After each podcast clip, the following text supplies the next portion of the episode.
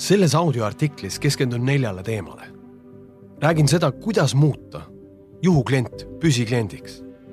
räägin, mis on väga hea klienditeeninduse motivaatoriks. arutleme, kuidas saada inimene tegutsema kirega, mis kutsub klienti alati tagasi. räägime sisemise motivatsiooni kolmest tingimusest ja neljandaks, juhi kõige olulisemast ülesandest, kuidas olla oma inimestele arengupartneriks. head kuulamist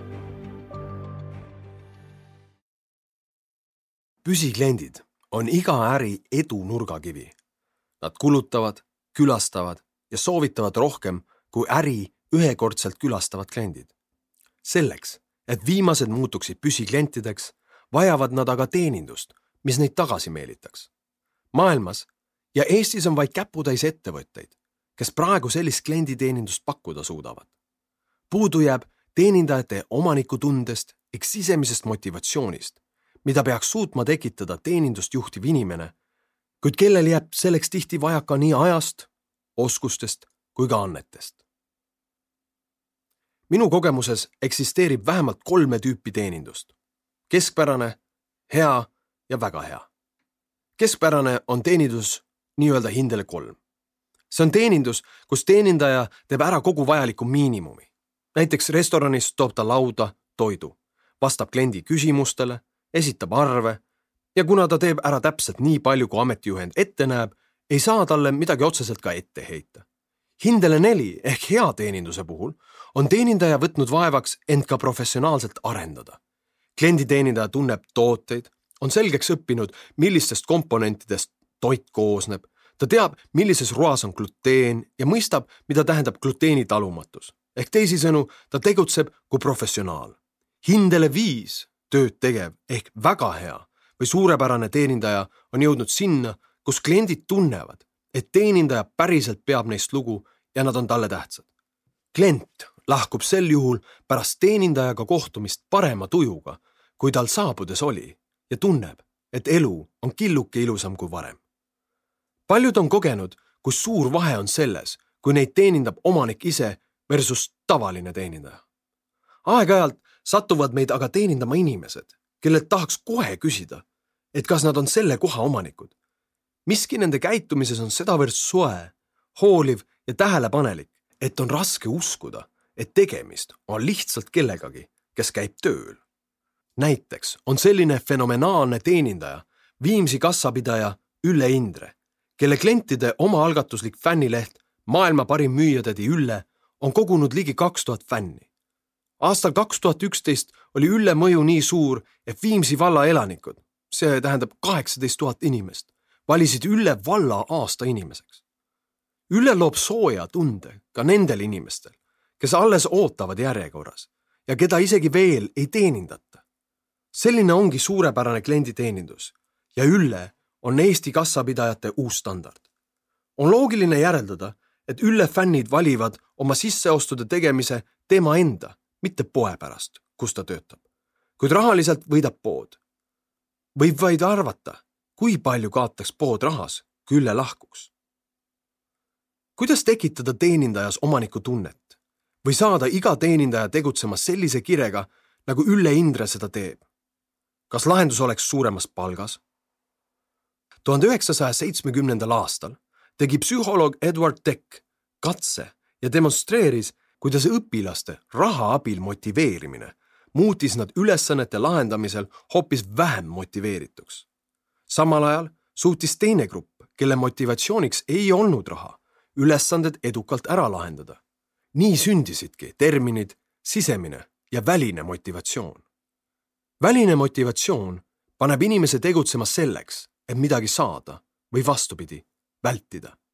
selleks võib olla boonus, preemia, puhkepäev, medal, kiitus, tunnustus või laitus, hukkamõist, karistus, piirang, palga kärpimine, boonuse saamata jäämine, häbi ja nii edasi. kui inimene tegutseb ainult välisest motivatsioonist lähtudes, ei tee ta kunagi asju südamega, asja enda pärast. teda paneb tegutsema ainult tulemus, valu vältimine või naudingu võimendamine, teisisõnu hirm või ahnus. niipea kui tundub, et tulemus ei ole kergesti saavutatav, annab ta alla ja motivatsioon kaob. sama juhtub ka kohe, kui tulemus saavutatakse. siit ka ütlus, palk ei ole kunagi piisav. inimene küsib palka juurde, kuid kolme kuu pärast on seda ikka vähe. või siis suhtumine, mis ajab paljudel juhtidel harja punaseks.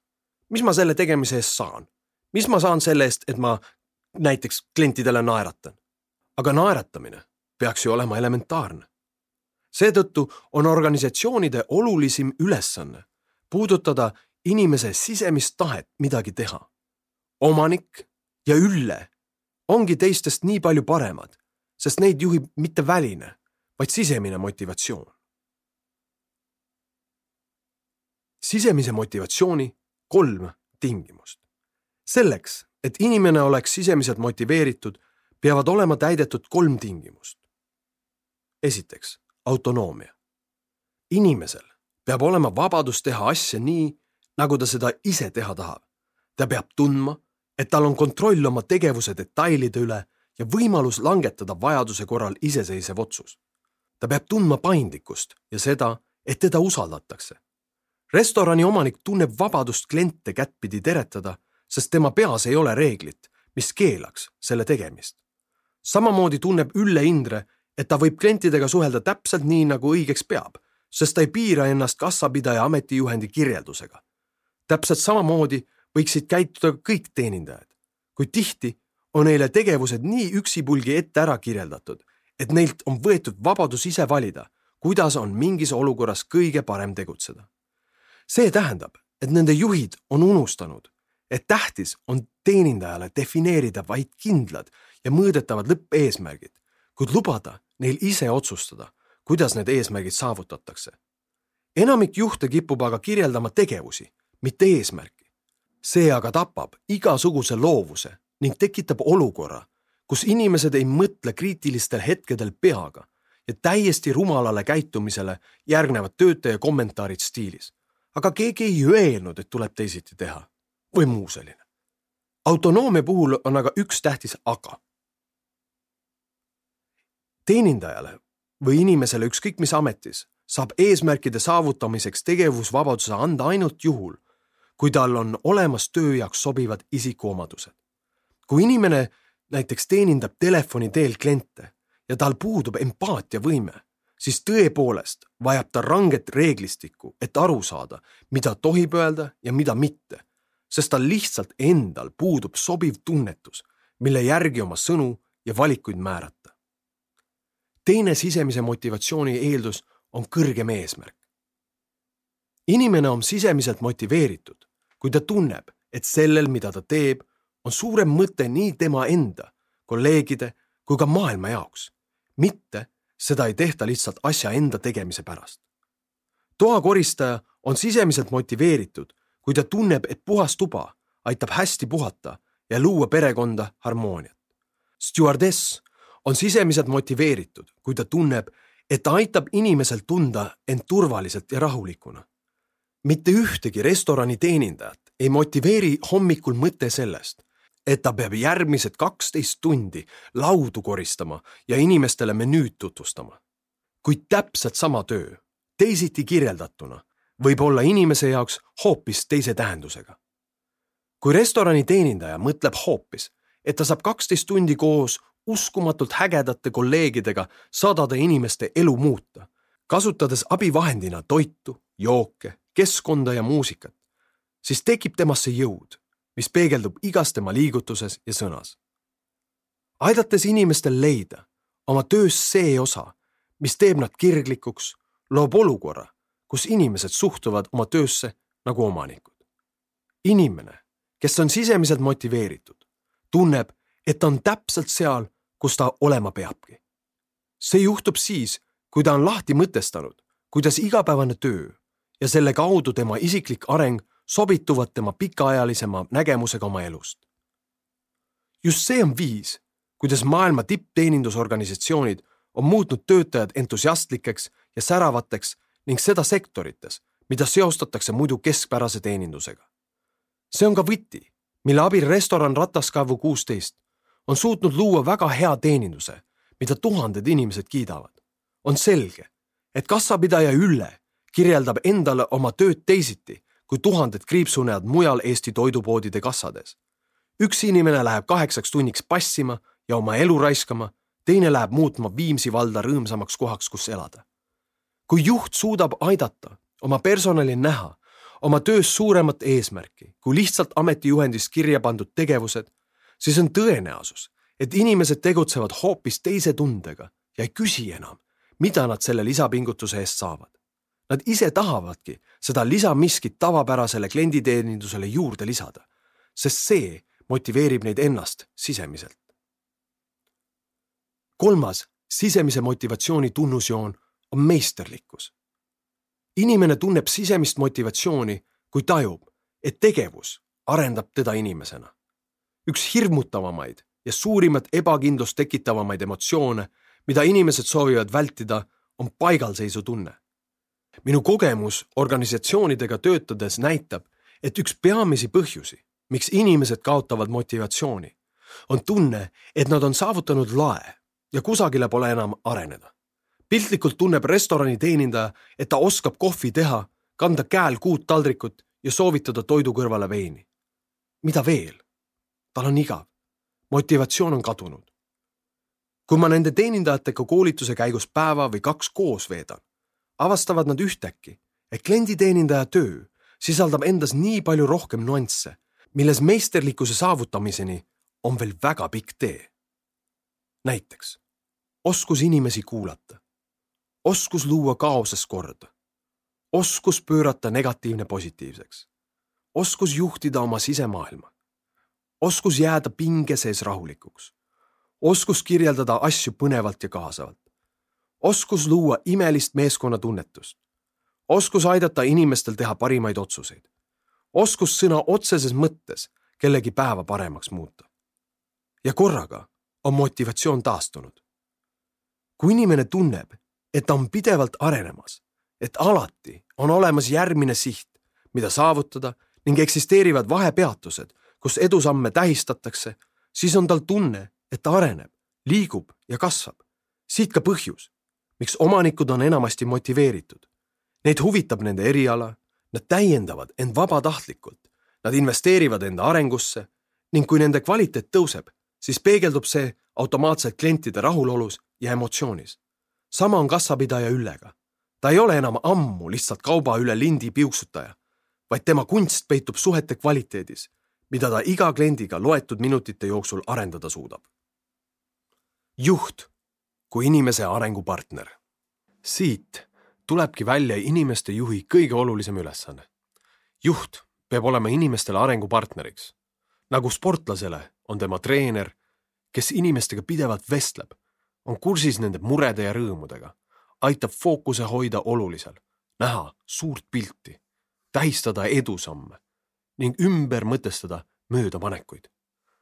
juht peab aitama inimesel seada nii lühi- kui ka pikaaegseid eesmärke, saada teadlikuks iseenda tugevustest ning rajada neile oma karjääri edu. enamasti ilma igasuguse vajaduseta vahetada tööd või organisatsiooni. et olla oma inimestele arengupartneriks vajab aga juht aega, andeid ja oskusi. räägime kõigepealt ajast. on selge, et kui meeskond on liiga suur või juhil on liialt palju ülesandeid, jääb kriitilise tähtsusega personaalne töö inimeste sisemise motivatsiooni toitmiselt tahaplaanile. minu koostöökogemus sadade juhtidega näitab, et paljude otsestes alluvuses töötab üle kahekümne inimese. Gallupi uuringud näitavad, et juhid, kelle meeskonnad on kõige kõrgema produktiivsusega, peavad iga oma inimesega kord kuus mingisuguse arendava vestluse. Vestluste eesmärk on olla veendunud, et inimene teab, mis on parajasti kõige olulisem, tunneb, et tal on olemas vajalik tugi ning kogeb iseenda pidevat arengut. on loogiline, et selline suhtlus saab toimida ainult juhul, kui juhil on piisavalt väike meeskond, et kõigile personaalselt pühenduda. samas, isegi kui meeskond on personaalse töö tegemiseks piisavalt väike, näiteks neli kuni neliteist inimest, on Eestis ikkagi väga sage olukord, kus juht on lihtsalt totaalselt ülekoormatud administratiivsete ülesannetega või tegeleb ise müügi, teeninduse ja operatiivteenustega. järgmine asi, mis on juhi puhul tähtis, on tema isikuomadused. suhteliselt sage on ka olukord, kus juhil oleks isegi aega oma inimestega personaalselt vestelda, kuid ta lihtsalt valib millegi muu tegemise. põhjused selleks on erinevad. Üks peamiseid põhjuseid, mida oma töös näen, seisneb selles, et personali juhib endine spetsialist. isiksuse omadused, mida inimeste juht aga vajab, on lihtsalt niivõrd erinevad sellest, mis ta eelmises ametis edukaks tegi. tihti võib olla, et see inimene suudab klientidega suhelda ning on ka väga kohusetundlik. miks muidu ta ametikõrgendust sai?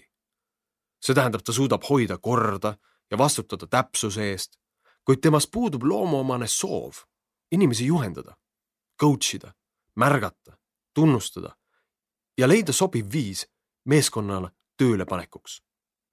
on ülimalt oluline, et klienditeeninduse eest ei vastutaks madala emotsionaalse intelligentsusega inimene, sest kui jutt on kliendi ja teenindaja vahelisest suhtest, ei tohi mõelda kui ökonomist või insener.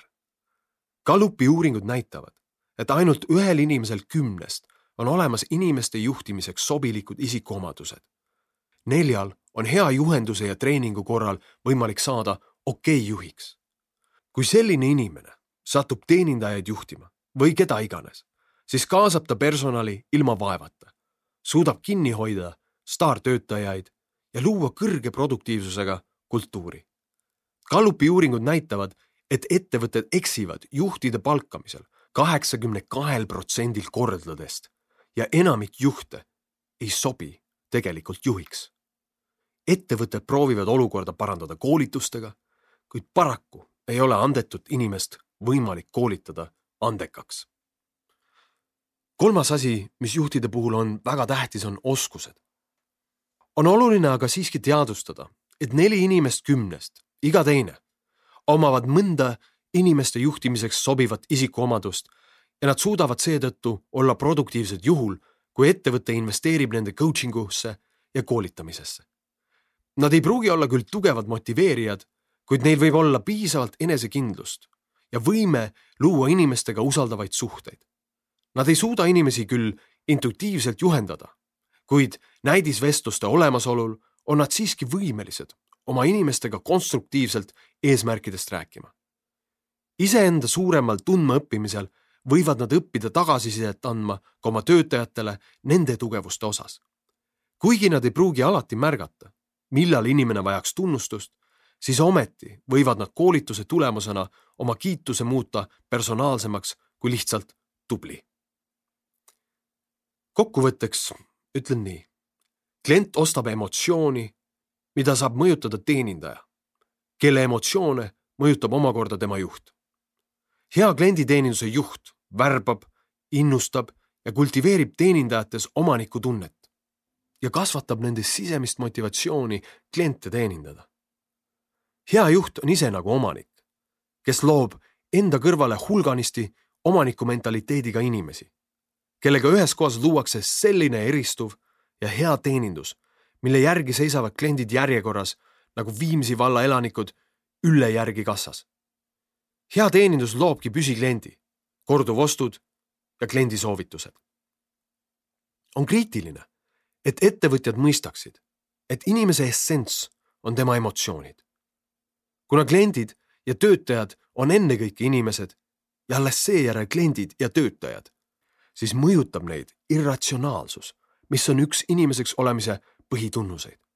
saades aru emotsioonide tähtsusest ostuotsuste tegemisel, on juhtidel kergem mõista, miks küsitluste järgi rahulolevad kliendid liiguvad ikkagi konkurentide juurde. sarnastel teemadel räägin ka oma koolitustel tugevustele tuginev juhtimine ja teenindajast talendiks. Ma loodan siiralt, et selle audioartikli kuulamine oli sinu jaoks väärtuslik aeg. Ja kui see nii oli, siis kutsun sind ka kuulama minu täispikka audioraamatut Ratsionaalne emotsionaalsus, tugevad tulemused pehmetest tegudest, mille info ja lingi leiad minu kodulehelt alarojastu.com. thank you